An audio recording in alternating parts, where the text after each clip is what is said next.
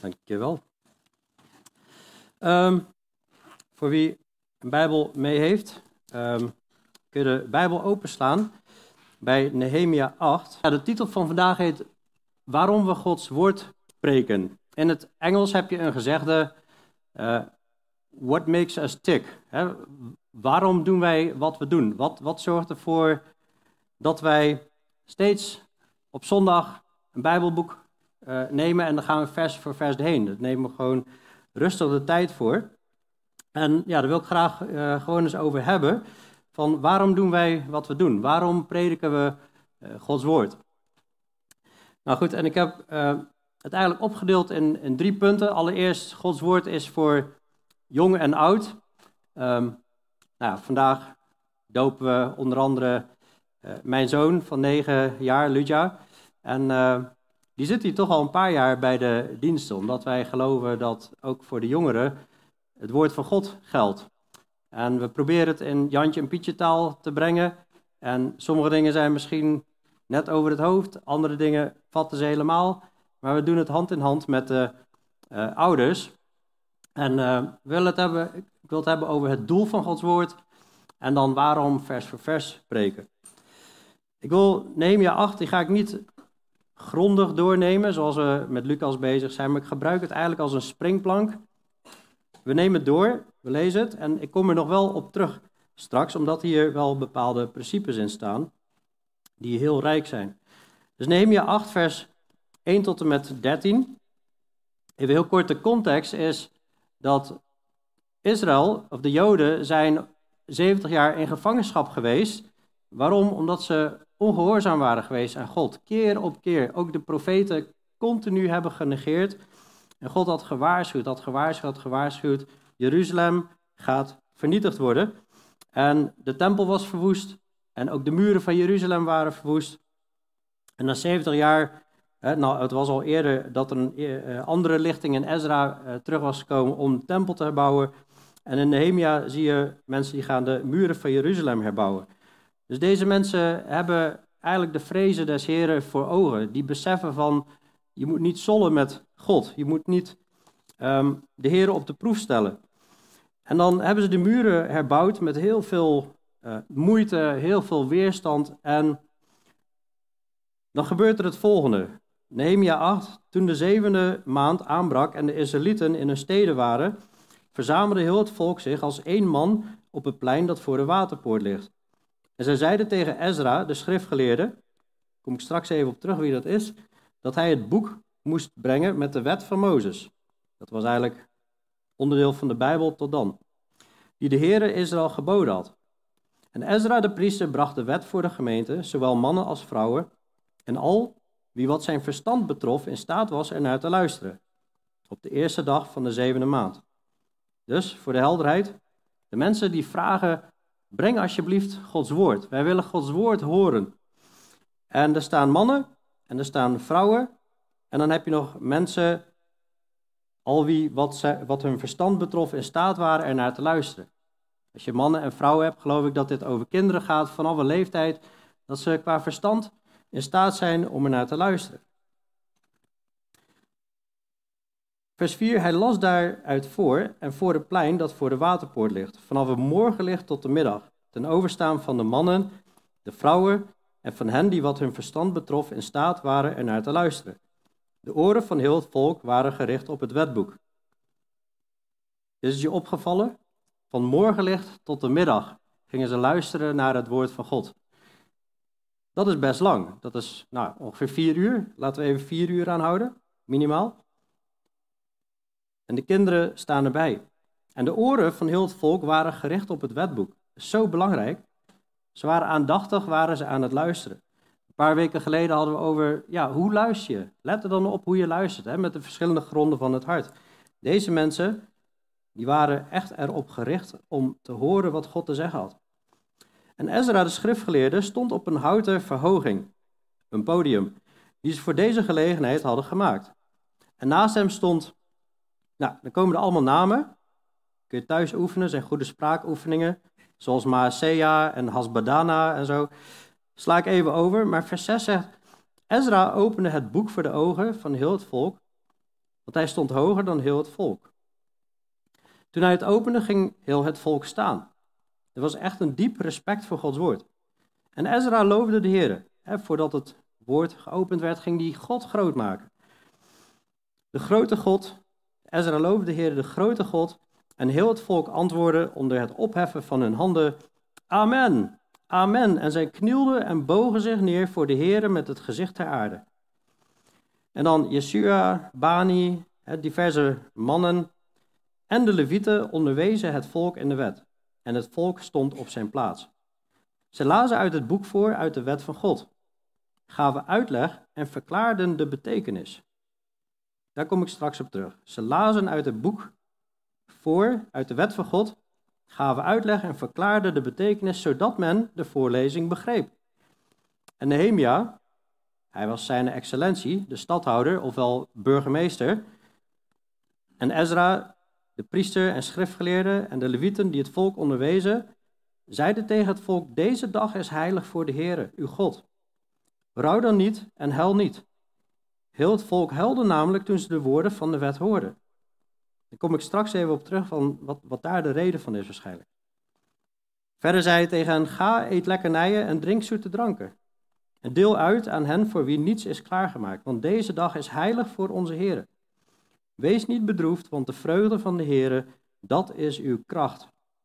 En de levieten deden heel het volk zwijgen door te zeggen, wees stil, want deze dag is heilig. Wees daarom niet bedroefd. Toen ging al het volk weg om te eten en te drinken, om uit te delen en grote vreugde te bedrijven.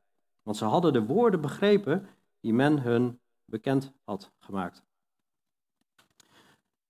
Ja, dat is een van mijn vele lievelingsgedeeltes uit de Bijbel. Hoe ze hier eigenlijk met Gods woord omgaan.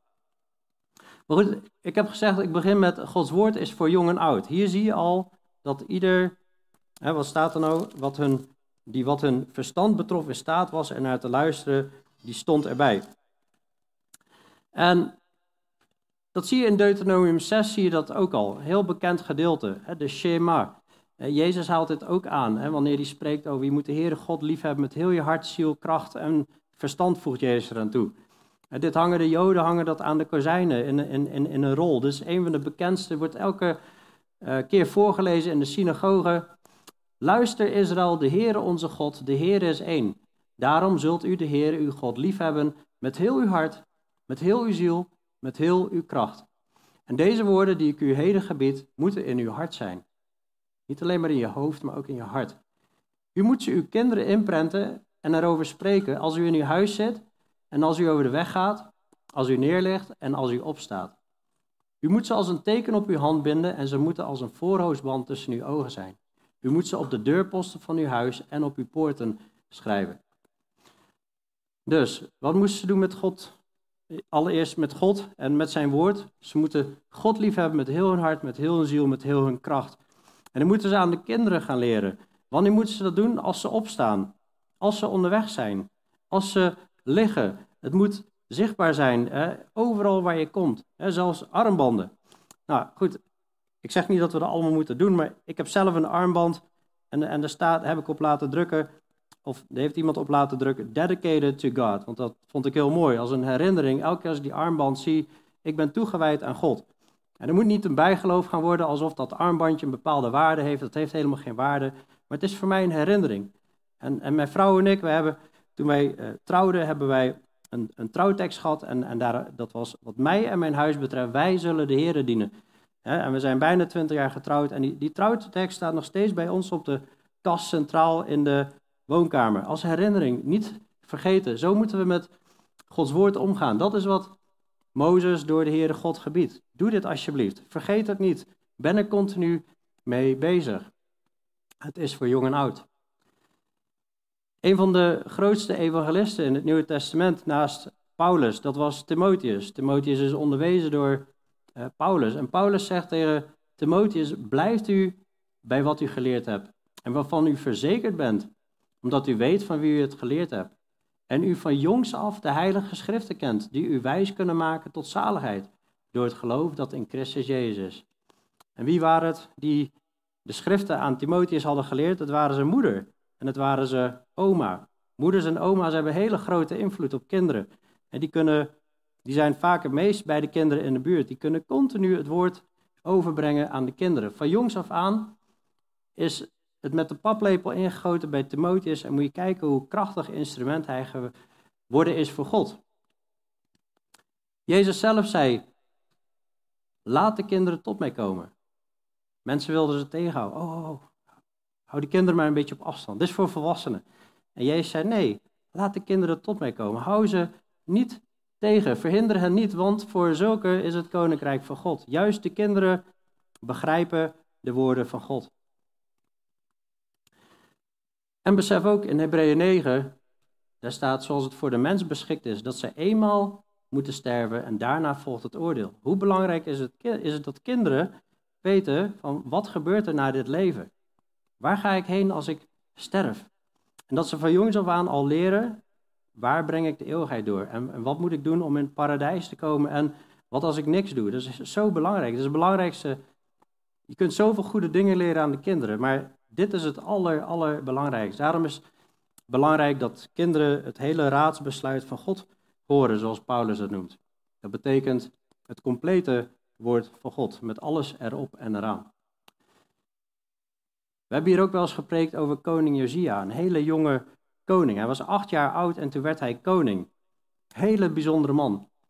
In tegenstelling tot vele koningen van Israël, die niet in de weg van de Heer wandelden, wandelde Josia in de weg van de Heer. Hij was acht jaar oud toen hij koning werd.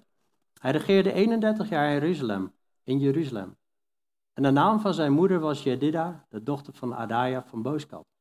Hij deed wat juist was in de ogen van de Heer en ging in heel de weg van zijn vader David en week niet af naar rechts of naar links. Hij bewandelde eigenlijk de smalle weg waar Jezus ook over spreekt. Hij, ging niet naar links en hij ging niet naar rechts. Dus zo belangrijk. Van jongs af aan begrijpen kinderen al heel veel.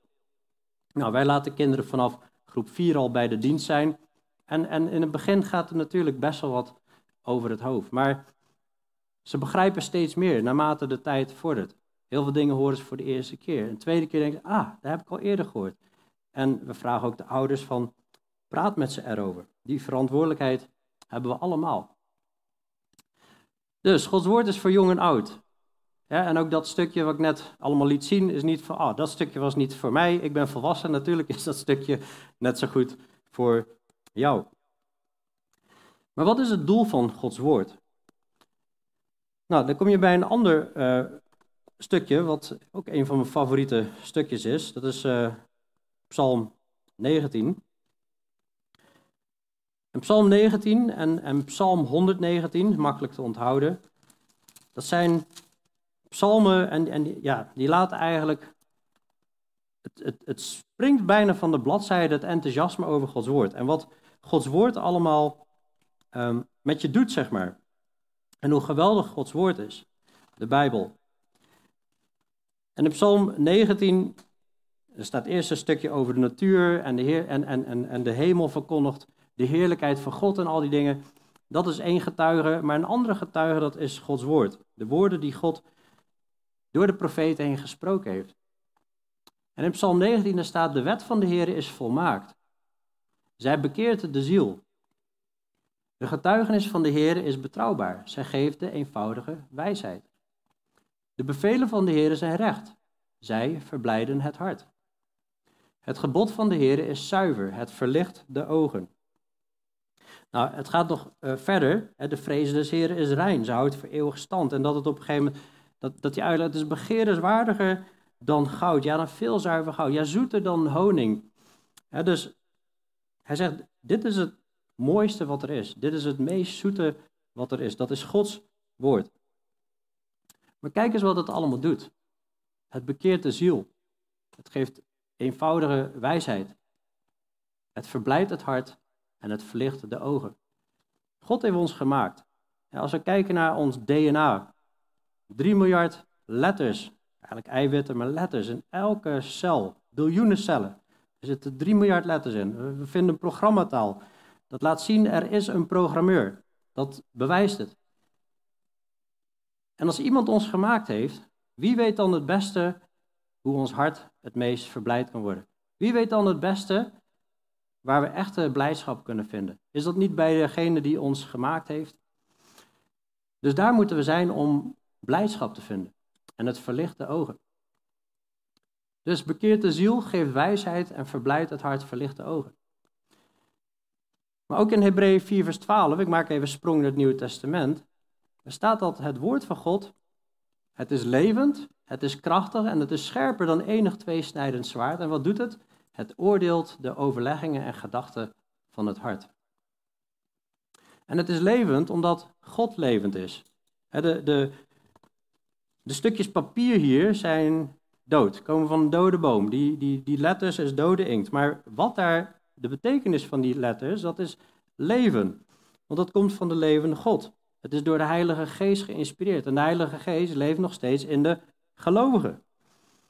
dus wanneer we dit woord lezen en we bidden, Heer, wilt u mij mijn hart openen en door uw Heilige Geest werken, dan komt dit tot leven in ons hart. Het is ook krachtig omdat de Heilige Geest, die bekrachtigt het, die overtuigt de wereld van zonde, gerechtigheid en oordeel. Maar het is ook de geest van de waarheid die ons leidt in heel de waarheid. Het is scherper dan enig tweestijdend zwaard. En ik, maak even, ik geef even een korte versie en, en, en, het zegt het oordeelt de overleggingen en gedachten van het hart. Dus het, het, het snijdt zo scherp dat het ziel en geest scheidt. Dat is eigenlijk wat het zegt.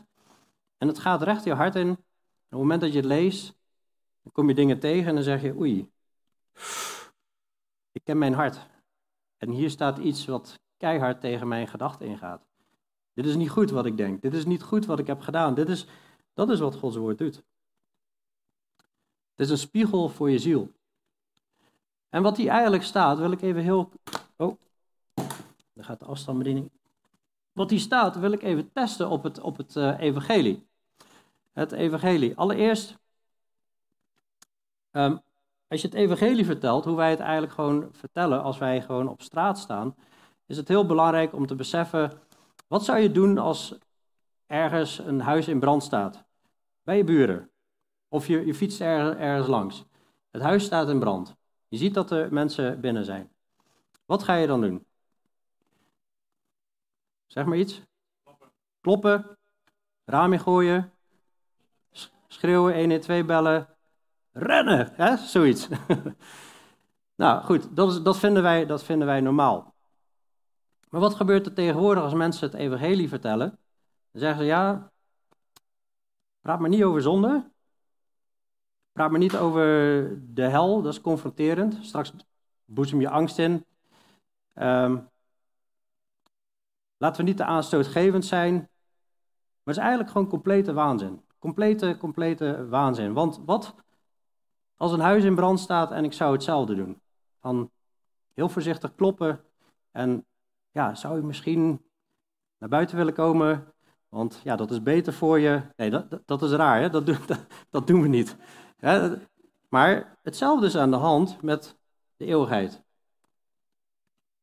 Er is iets aanstaande. Dat is de boodschap van de Bijbel. De kernboodschap van de Bijbel is dat er een eindoordeel is. Ieder mens komt voor de troon van God. Lees het na. In Openbaring 20, daar staat dat als je naam niet geschreven is in het boek des levens, dan worden mensen geworpen in de poel van vuur. Dat is heftig. Wat is het woord van God nu aan het doen op het moment dat je dat hoort? Dat je denkt van oeh, wacht even, wat is er aan de hand dan? Dit roept een stukje vrees op. En dat is precies wat Psalm 19 ook over spreekt. Het spreekt over de vrezen. vrezen spreuken spreken over de vrezen des is het begin van de wijsheid. Het is het begin van de kennis. Het begin van de inzicht. De vrees des Heer, het is rein. Want wat doet het? het? zegt eigenlijk van, oh, wat is er aan de hand? Wij vragen mensen van, wat als je vandaag zou sterven? Waar kom je dan uit, denk je? Even, even aannemen dat dit verhaal waar is, als ze nog niet geloven. Maar dan hebben we al verteld over DNA en zo, maar denk je dat het paradijs wordt of een pool van vuur? De Bijbel geeft, er zijn twee opties. Nou, dan gaan mensen denken, ja, ik denk dat, ik heb wel goed geleefd, ik denk dat ik wel, of ze zeggen meteen, nee, ja, ik doe heel veel kwaad, dus ik kom er niet. Maar in ieder geval, als ze denken, ja, ik heb wel goed geleefd, dan gaan we de test stellen. Dan gaan we testen van, oké, heb je wel eens gelogen?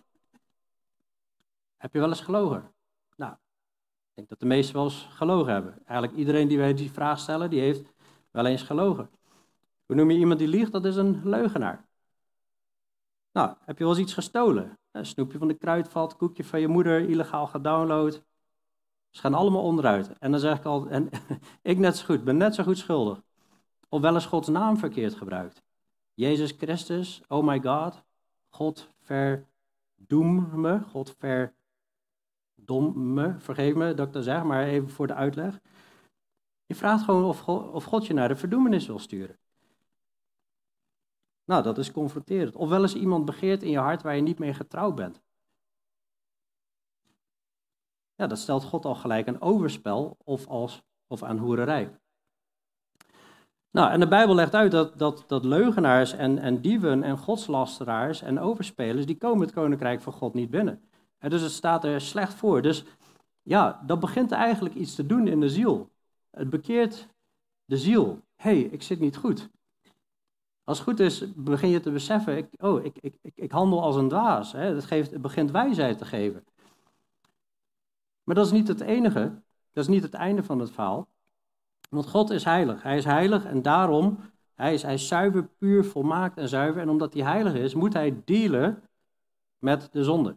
Want als een zondaar daarbij komt, als één smet daarbij komt, dat kan niet. Dus een zondaar kan ook niet bij God komen. God is rechtvaardig, hij gaat zonde oordelen. dus het is niet dat er een weegschaalmodel is bij God. Dat als je meer goed gedaan hebt dan kwaad, dat je er dan wel doorkomt. Want het is een rechtszaak. God is een rechter. Dus net als in een rechtszaal, als jij een auto hebt gestolen. En je zegt, ja maar rechter, ik heb ook heel veel oude vrouwtjes geholpen om de weg over te steken. Dan zegt die rechter, nou, fantastisch, maar we zijn hier nu om deze zaak te beoordelen. Je hebt die auto gestolen, dat beoordelen we nu. Zo is het bij God ook. Hij gaat de zonde oordelen. En God is rechtvaardig. Al dat onrecht in de wereld wordt rechtgezet. Maar ook bij ons. De leugens, de diefstal en al die dingen. Maar God beseft ook dat wij niet de prijs kunnen betalen. En hij heeft ons wel heel lief. En daarom stuurde hij zijn zoon, Jezus Christus, God in het lichaam van de mens, om te sterven aan het kruis. Hij was volmaakt, hij heeft niet gezondigd, hij kon als enige sterven aan het kruis en de prijs betalen. En op het moment dat wij geloven dat Jezus voor onze zonde is gestorven, dan komt onze zonde, onze ongerechtigheid, komt op hem en zijn onschuld komt op ons. En dan worden we onschuldig verklaard, heilig verklaard. En dat is een cadeau wat God gratis geeft als jij gelooft in het evangelie, als wij geloven in het evangelie. Dus wat doet zo'n verhaal? Wat zou zo'n verhaal moeten doen in ieder geval? Bij mij bekeert het de ziel. Het geeft mij wijsheid, denk, oh, ik moet, ik moet Gods woorden volgen, ik moet Gods waarheid volgen, want Hij is de maker. Hij weet het beter dan ik. Ik heb dwaas gehandeld, ik heb gezondigd. En, en dan worden mijn ogen verlicht, dat ik zie, ineens zie ik de waarheid. Oh, dit is wat er aan de hand is. Maar het verblijft ook het hart. want dit is een cadeau, dit is, dit is de genade van God. En dan wordt de liefde van God wordt uitgestort in je harten door de Heilige Geest. Je ontvangt dan de Heilige Geest als jij in Jezus gelooft. En het verblijft het hart als je dat hoort. Dat is wat het bij mij doet. Ik zie Gods woord, ik zie mensen zondigen, maar ook bekeren. En God geeft ze genade. En ze komen tot geloof en ze mogen bij het koninkrijk van God horen. Maar het is wel scherp. Het is levend, krachtig en scherper dan enig tweestijden zwaard. En ik kan van alles weg gaan moffelen om het zachter te maken. Om te zeggen, laten we niet over zonde preken en over de, over, over de hel. Maar dit is wel het eerlijke woord. Het is levend, het is scherp en het is krachtiger dan enig tweestijdig zwaard. Dus als ik puur al kijk naar het evangelie, dan zie ik dat dit waar is. Dat dit is wat Gods woord doet. We zien ook in 2 Timotheus 3 vers 16 17 dat heel de schrift is door God ingegeven. En is nuttig om daarmee te onderwijzen, weerleggen, verbeteren en op te voeden in de rechtvaardigheid opdat de mens die God toe behoort volmaakt zou zijn, tot elk goed werk volkomen toegerust. Dus wat doet Gods woord? Het zorgt dat we volmaakt worden. We nemen het evangelie aan, maar daarna onderwijst het ons. Het weerlegt onze gedachten. Het verbetert ons en het voedt op in de rechtvaardigheid. Dus Gods woord brengt ons tot volmaaktheid. Daarom hebben we continu Gods woord nodig om ons te brengen tot volmaaktheid. Tot, tot volmaaktheid tot elk goed werk volkomen toegerust. Als je in het Oude Testament keek, dan had je een opdracht aan een koning. Een koning moest het volk leiden. En wat moest hij doen? Hij moest de, hij moest de Bijbel, die er tot, tot dan toe was, moest hij overschrijven. Het moet zo zijn, als een koning op de troon van zijn koninkrijk zit, dat hij voor zichzelf op een boekrol een afschrift van deze wet schrijft. Vanuit de rol die onder het toezicht van de Levitische priesters is. Wij hebben geluk dat we in de tijd leven van de boekdrukkunst, sinds 1500 nog wat. En we kunnen zo even een pallet bijbels eh, bestellen. Maar die koning die moest hem zelf overschrijven, want de boekdrukkunst was er nog niet. Maar het zorgde er wel voor dat hij letter voor letter las wat erin stond. En het moest ook bij hem zijn. En hij moest er alle dagen van zijn leven in lezen om de Heere zijn God te leren vrezen en om alle woorden van deze wet en deze verordening in acht te nemen door ze te houden. Opdat zijn hart zich niet verheft boven zijn broeders.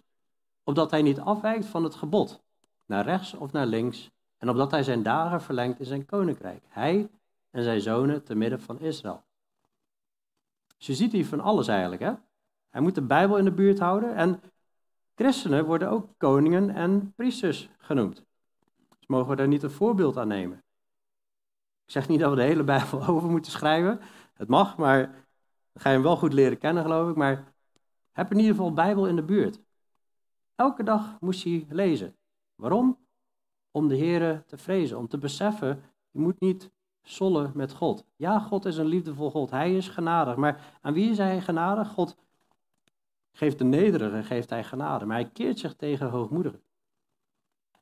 Het is niet alleen maar lezen. Er zijn theologen die kunnen heel, zo de Bijbel lezen, maar die doen er helemaal niks mee. Het, het komt niet in het hart.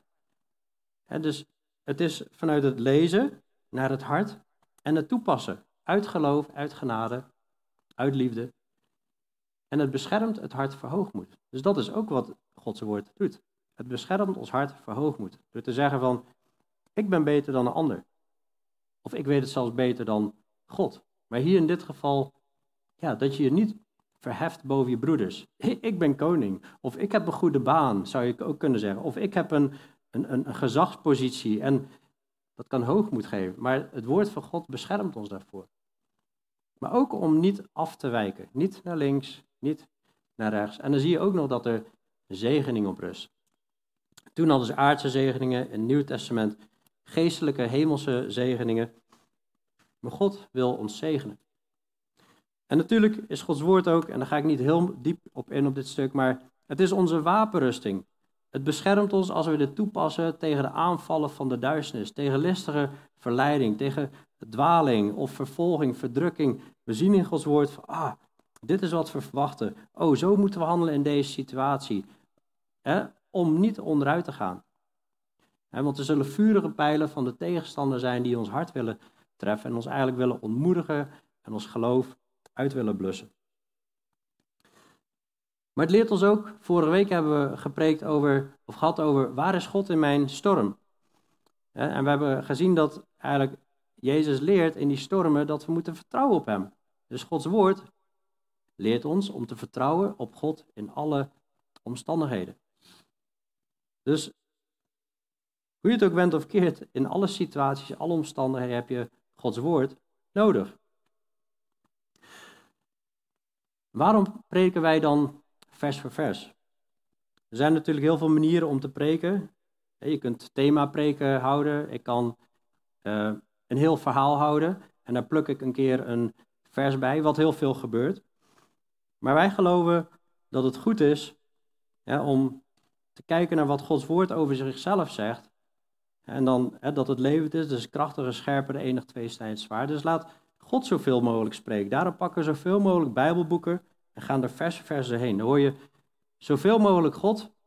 En dan de toelichting, dat is natuurlijk dan een mens, maar dan proberen we het te verklaren en schrift met schrift te vergelijken, zodat mensen de voorlezing begrijpen. Paulus zei tegen die Timotheus, die evangelist, die prediker, dat zijn echt hele zware woorden, vind ik. dus hij was een geestelijk leider en, en de Timotheusbrieven en de Titusbrieven zijn aan geestelijke leiders. En dan zegt Paulus tegen Timotheus, ik bezweer u, er zijn nogal zware woorden al, ik bezweer u, niet zomaar, maar ten overstaan van God en de Heer Jezus Christus, die levenden en doden zal oordelen bij zijn verschijning en in zijn koninkrijk. Dus Paulus, de grote apostel die ongeveer de helft van het Nieuwe Testament heeft geschreven, zegt, dit moet je doen en dit, dit bezweer ik. Het is dus een heel ernstig gebod. Tegenover God en de Heer Jezus Christus sta ik. Dit moet je doen. Predik het woord, volhard daarin, gelegen of ongelegen. Nou, hoe kun je het woord prediken? Volgens mij is de beste manier om het woord te prediken, is pak bijbelboeken en ga daar gewoon helemaal doorheen. Dan weet ik zeker, dan predik je het woord. Dan kunnen mensen op zijn minst al aannemen van de tekst die we hebben doorgenomen. En hopelijk geeft dan de toelichting ook nog inzicht. Maar dan moet je in volharden. Dit gaat ook tegengewerkt worden. Dat leert de Bijbel. Dit gaat tegengewerkt worden. Mensen zijn erom gedood. Volhard daarin. Ook als het moeilijk is. Gewoon doorgaan. Gelegen of ongelegen. Gewoon doen. Of mensen het nou fijn vinden of niet fijn vinden. Of mensen nou blijven of weglopen. Of mensen het belasteren of niet belasteren. In de kerk, op straat, naar collega's. Wanneer je, predik, wanneer je spreekt over God, predik gewoon het woord. Of het nou uitkomt of niet uitkomt. Dat is wat er eigenlijk staat. Weerleg, bestraf, vermaan met alle geduld en onderwijs. En hier is iedereen mee eens. Weerleg, bestraf, vermaan met alle geduld en onderwijs. Want er staat in de Bijbel, totdat iemand je een keer aanspreekt. En dan is al te kijken van, hé, hey, wat gebeurt er dan? Hij zegt ook, er zal namelijk een tijd komen dat mensen de gezonde leer niet zullen verdragen, maar dat zij zullen zoeken wat het gehoor streelt en voor zichzelf leraars zullen verzamelen overeenkomstig hun eigen begeerte. Ze zullen hun gehoor van de waarheid afkeren en keren tot verzinsels. Ze zullen het woord van God niet meer verdragen. Ze zeggen, vertel ons gewoon lieve, zachte, strelende woorden. Streel mijn oren. Ik, ik wil vooral genade horen. Ik wil vooral de liefde horen. Ik wil vooral en die staat ook in de Bijbel. En die prediken wij ook. En dat moeten we ook doen. Maar er staan ook waarschuwingen in de Bijbel. En er staan ook oordelen in de Bijbel. En de God, is, God is serieus met die dingen. En dus die moeten ook gepredikt worden. En dat vind ik dus het mooie. Als je door Bijbelboeken heen gaat, je komt het gewoon allemaal tegen. Dan kun je er niet meer omheen. Of je moet heel lafhartig snel dingen gaan skippen. Maar dat is niet de bedoeling. We hadden het net over leugenaars, dieven en al die mensen zullen het koninkrijk van God niet binnenkomen. Maar als je leest in openbaring op het eind, er staat ook lafhartigen bij. Lafhartigen zullen het koninkrijk van God niet binnenkomen. En Jezus zei zelf van niet ieder die tegen mij zegt, Heere, Heere, gaat het koninkrijk in. Ook al heb je mooie dingen gedaan. Zal, de velen zullen er zijn en zal Jezus zeggen, ga weg van mij, werkers van de ongerechtigheid. Mensen die gewoon in zonde leven, maar net zo goed dat lafhartig zijn. Dus we moeten gewoon Gods woord prediken en dat transformeert ons. En juist, ik heb gewoon gezien dat juist als je het hele raadsbesluit, het hele woord van God brengt, dat transformeert mensen. Ja, sommige mensen zullen het niet verdragen, so be. Bij Jezus liepen in Johannes 6 liepen ook heel veel mensen weg. En Jezus zei tegen de mensen, de discipelen die overbleven, wilt u ook niet weggaan? Maar Petrus zei, waar moeten wij dan heen? U hebt woorden van eeuwig leven. En dat is wat we op al die Bijbels hebben geprint. Woorden van eeuwig leven. Wat, wat, wat moeten we dan? Wat moeten we dan doen? waar, ja. Dus dit is eigenlijk wat dit plaatje zegt. Dat is lachwekkend. Maar aan de andere kant, het gebeurt wel dus aan de ene kant, mensen keren zich tot verzinsel. Heel veel mensen willen aan de babymelk blijven of gewoon kant-en-klare potjes hebben. Niet, niet, niet, ja, ik wil niet echt werken om te eten. Geef mij maar kant-en-klare babypotjes, dat is makkelijk te verwerken. Nou, in het begin als je tot geloof komt, prima. Heb je basisvoeding nodig.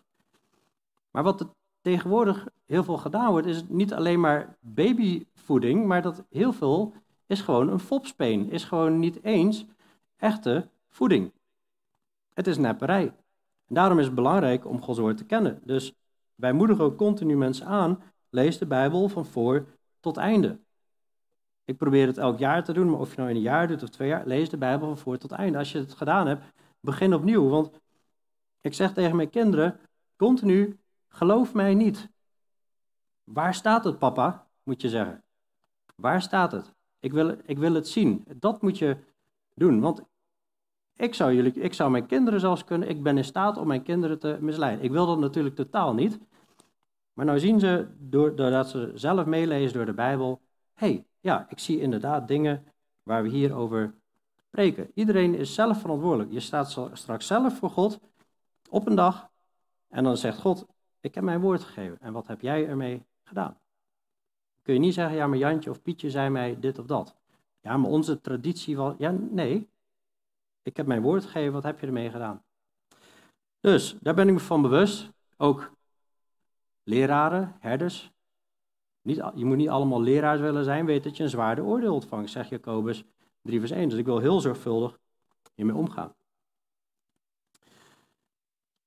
Even terug naar Ezra, dat had ik beloofd. Naar Nehemia. In, in het boek Nehemia, daar... Um, sorry, we gaan terug naar Nehemia 8. En we hebben het even over uh, Ezra. Die wordt daar geïnstrueerd. Of uh, voorgesteld. Opnieuw voorgesteld in de Bijbel. We hebben, net we hebben net gelezen, toen we begonnen met de preek, dat het volk vraagt om Gods woord. Lees ons Gods woord voor. Vers 2. Verzamelde heel het volk zich als één man op het plein dat voor de waterpoort ligt. En zij zeiden tegen Ezra, de schriftgeleerde, dat hij het boek moest brengen met de wet van Mozes, die de Heere Israël geboden had, had geboden. En Ezra, de priester, bracht de wet voor de gemeente, zowel man als vrouw en al wie wat zijn verstand betrof in staat was ernaar te luisteren, op de eerste dag van de zevende maand. Hij las daaruit voort voor het plein dat voor de waterpoort ligt, vanaf het morgenlicht tot de middag. Mensen waren hongerig naar Gods woord. En dat is vaak na crisis worden mensen hongerig. Na de Tweede Wereldoorlog zaten de kerken weer vol. Mensen waren hongerig. Ik ben ooit in mijn jeugd naar Roemenië geweest. We hebben daar armoede gezien. Mensen waren hongerig. Ik verstond geen woord van die preek, maar ik begreep alles. Ik begreep, deze mensen zijn hongerig. Die kijken niet op hun klok. Die zijn niet gebonden aan drie kwartier. die waren hongerig. Deze mensen zijn hongerig. Het maakte, de tijd maakte niet uit. Vertel ons Gods woord. Lees voor uit Gods woord. Waarom vragen ze dat aan Ezra? Ezra is een, een bijzonder man. We, we gaan nu door Lucas en dan lezen we over schriftgeleerden. En er wordt geen goed woord over gesproken door Jezus. Weinig goeds. Um, waarom? Ze hebben het woord van God verdraaid. Ze hebben eigen tradities. Ze hebben het gebod van God terzijde gesteld en houden zich aan eigen overlevering. Ezra is een schriftgeleerde waar positief over gesproken wordt in de Bijbel. Waarom? Hij trok op uit Babel. Hij was een vaardig schriftgeleerde. Hij was bedreven in de wet van Mozes, die de Heere, de God van Israël, gegeven heeft. En de koning gaf hem alles wat hij had verzocht, omdat de hand van de Heere zijn God over hem was. Een paar versen verder. Op de eerste van de eerste maand was namelijk het begin van zijn tocht uit Babel. En op de eerste van de vijfde maand kwam hij in Jeruzalem aan. Er wordt ook uitgelegd waarom hij een veilige reis had, omdat de goede hand van zijn God over hem was. En er wordt ook uitgelegd waarom de goede hand van de Heer over Ezra is. Ezra had namelijk zijn hart erop gericht om de wet van de Heer te onderzoeken. Hij was hier gewoon echt serieus mee bezig om Gods woord te begrijpen, te onderzoeken. Om die te doen, dus niet alleen maar onderzoeken, ah, interessante feitjes, uh, leuk hoor. Nee, dat ga ik doen. En dan ook nog om in Israël de verordeningen en bepalingen te onderwijzen. Dus wat God geboden heeft, dat wil hij onderwijzen. En daarom was de goede hand van de Heer over hem. Dus deze man die had een zegen op zich rusten, omdat hij Gods woord onderzocht. Hij was hier bedreven in, hij kende Gods woord. Hij paste toe in zijn leven en hij gaf het door aan anderen, zodat anderen ook Gods woord konden begrijpen. Dus deze Ezra, die hebben we al gezien in het boek Ezra, maar die leest hier voor. En iedereen is gericht op dat woord, jong en oud. Dus hij staat op een platform, zodat iedereen hem goed kan zien. Vers 6, hij opende het boek voor de ogen van heel het volk, want hij stond hoger dan heel het volk. Toen hij het opende, ging heel het volk staan. En Ezra, hij prees dus God, de grote God. En heel het volk antwoordde onder het opheffen van handen, Amen, Amen. En zij knielden en bogen zich neer voor de Heer met gezicht ter aarde. Nou, en dan komen dan mannen en levieten komen daar staan, in vers 8. Die onderwezen het volk in de wet en het volk stond op zijn plaats. En vers 9 zegt, zij lazen uit het boek voor, uit de wet van God, en ze gaven uitleg en verklaarden de betekenis, zodat men de voorlezing begreep. Hier heb je een heel duidelijk voorbeeld, dat ze lezen de Bijbel, ze lezen gewoon door de boeken van Mozes, en dan kom je echt van alles en nog wat tegen. Moeilijke gedeeltes, Leviticus, mooie gedeeltes. Maar wat doen deze mannen? Ze lezen voor, dan gaan ze het uitleggen. Dit is de betekenis, dit is waarom God dit zegt. Want je ziet daar dat hij dit en dat uitlegt. En ze verklaarden de betekenis. Dit is misschien wat moeilijk te begrijpen, zoals Petrus zegt over Paulus, dat er gedeeltes zijn die moeilijk te begrijpen zijn. Maar schrift met schrift nemend kunnen wij dat begrijpen. Maar hier staat, ze verklaarden de betekenis. Dus wat wij eigenlijk doen, dat is, dat is wat wij ook willen doen, dat is tekstverklarend prediken. En dat is niet alleen maar zoals je bij Nederlands doet, de tekst ontleden, dat hoort er natuurlijk bij.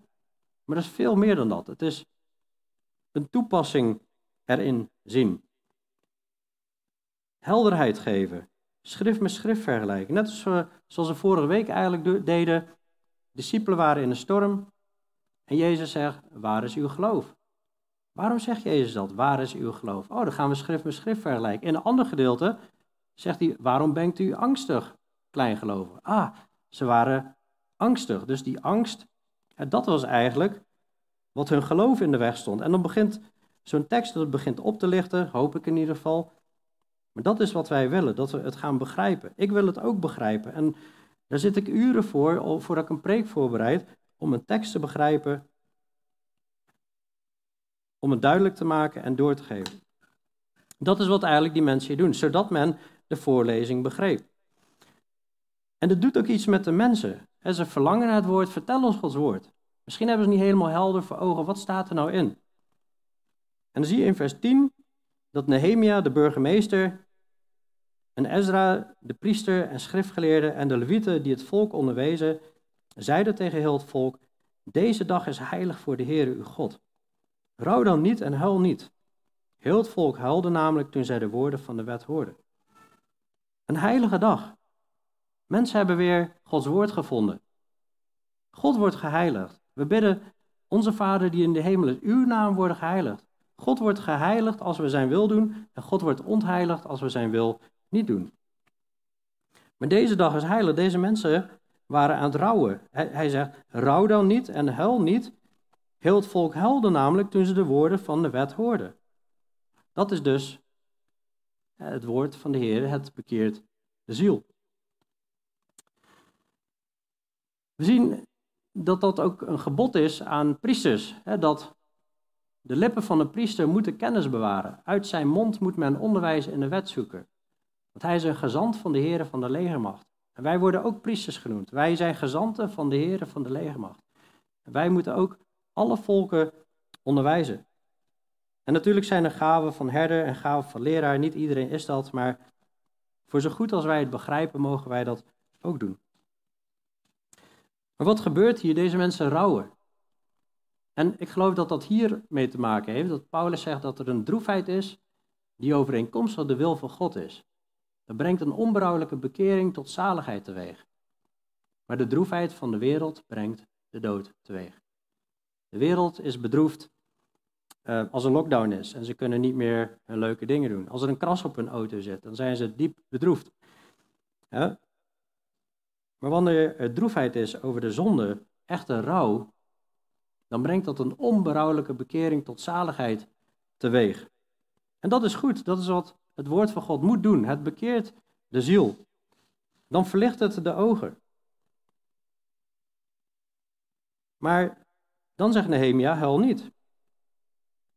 En verder zei hij, ga, eet lekkernijen en drink zoete dranken. Kom, we gaan feesten. Deel uit aan hen voor wie niets is klaargemaakt. Want deze dag is heilig voor onze Heer. Wees niet bedroefd, want de vreugde van de Heer, dat is uw kracht. Wanneer we bij de Heer mogen komen, dan mag er weer blijdschap zijn. Oké, je hebt droefheid gehad op basis van het woord van God, maar nu mag er blijdschap zijn. En de vreugde van de Heer, te weten dat Hij genadig is, te weten dat Hij een volk wil waar Hij midden in wil wonen. Man, wat een kracht, wat een, wat een blijdschap. De vreugde van de Heer, dat is uw kracht. En de levieten deden heel het volk zwijgen door te zeggen, wees stil, want deze dag is heilig. Wees daarom niet bedroefd. Toen ging al het volk weg om te eten en te drinken, om uit te delen en grote vreugde te bedrijven. Want ze hadden de woorden begrepen die men hun bekend had gemaakt. Als wij Gods woord gaan begrijpen, dan geeft dat grote vreugde. Dan geeft dat blijdschap. Aan de ene kant, ja, niet leuk. We zijn zondig. God is rechtvaardig, hij is heilig. Hij moet dealen met onze zonden. Maar als we dan dat erkennen en beleiden, wauw, dan komt die genade en dan wordt de liefde van God uitgestort in onze harten. Grote vreugde. Psalm 8 zegt dat de offers voor God, het zijn een gebroken geest, een verbrijzeld en verslagen hart zult uw God niet verachten. Dat was toen David gezondigd had. Hij was al gelovig, maar hij heeft gruwelijk gezondigd. En hij heeft berouw. En een gebroken geest, een verbrijzeld en verslagen hart, dat zal God niet verachten. Dat neemt hij aan. Dat is wat God eigenlijk wil. Dat je beseft, ik zit fout. Maar Jezus zei ook hè, dat wij in hem moeten blijven. Blijf in mij, blijf in mijn liefde, blijf in mijn woorden. Neem die in acht en dan zal je blijdschap volkomen zijn. Die dingen had hij gesproken, opdat mijn blijdschap in u zal blijven en uw blijdschap volkomen zal worden.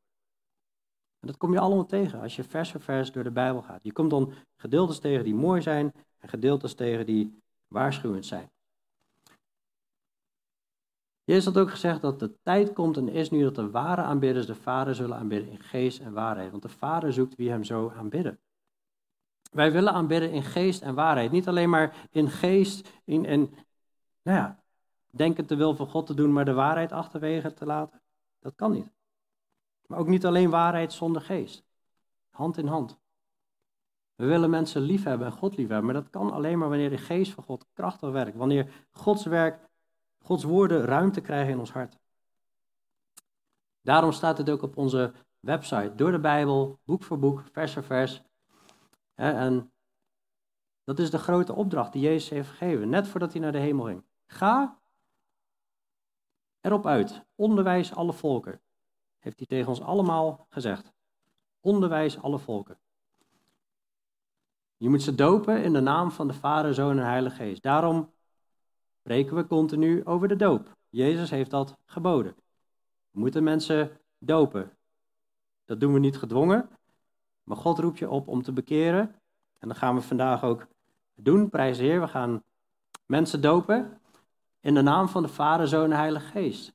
Want dan sterf je met Christus je gaat begraven worden door de doop in de dood om op te staan in nieuwheid van leven.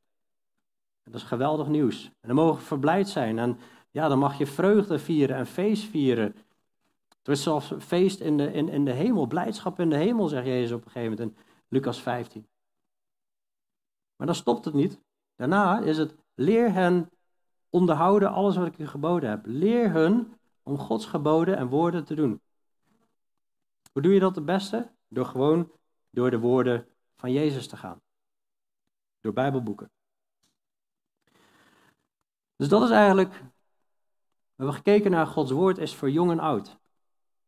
De Bijbel staat er vol van. Jezus wil dat de kinderen tot hem komen. Vandaag gaan we iemand dopen die negen jaar is, mijn eigen zoon. Ik ben ontzettend blij dat we dat gaan doen. Hij heeft al een paar jaar predikingen gehoord hier en het heeft iets gedaan met zijn hart.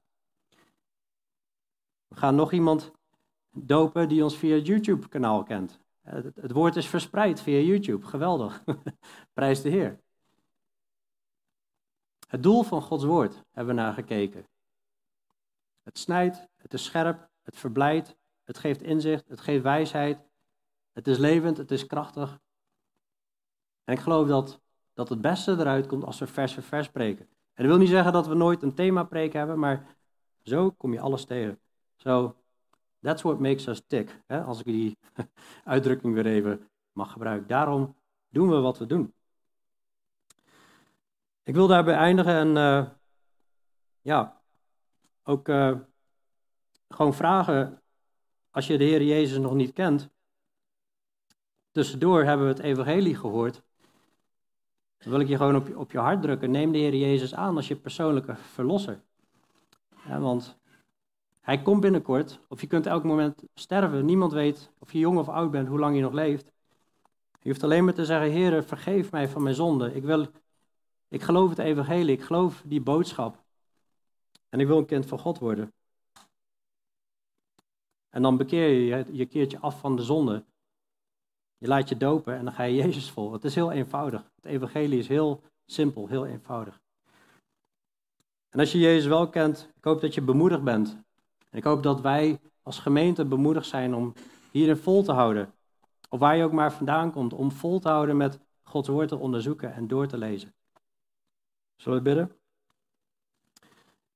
Hemelse Vader, Heer Jezus, dank u wel, Heer, voor uh, ja, zulke voorbeelden zoals in Nehemia 8, maar ook de vele oproepen ja, om uw woord serieus te nemen. Ook de vele waarschuwingen. Heer, uw woord staat er vol van en wilt u ons helpen om uw woord recht te snijden en het niet lafhartig te brengen, maar gewoon zo te brengen zoals u het zelf ook bracht. En dat was scherp, maar ook vol liefde en vol genade. Heer, we danken u voor uw genade. We danken u ja, dat er toch een, een, een weg is gebaand, waardoor we tot de Vader kunnen komen. Dat we eeuwig leven kunnen krijgen. Dat we gered mochten worden, terwijl we eigenlijk het niet verdienden. Dank u wel voor uw zegen dat u in ons midden wil zijn. En door uw Heilige Geest in ons wil wonen. Wat een rijkdom, Heer. Ik bid dat niemand vandaag de zaal zal verlaten zonder deze hoop in zijn hart opgesloten te hebben. En u aangenomen te hebben, Heer. En voor wie u wel kennen, Heer, dat we bemoedigd mogen zijn om in relatie te blijven wandelen met u. Vanuit liefde, vanuit geloof, vanuit de Heilige Geest, Heer. Heer, zegen ons daarin, help ons daarin, bewaak ons en bescherm ons. Help ons om ook gewoon trouw te blijven en te volharden, gelegen of ongelegen, en continu uw woord te preken. Dank u wel dat u vanuit, ons, vanuit uw woord gewoon ja, eigenlijk leert wat, wat uw verlangen is. Help ons om ja, u gewoon ja, te behagen, te verheerlijken, groot te maken en te schitteren voor u, zoals het u behaagt. In Jezus' naam. Amen.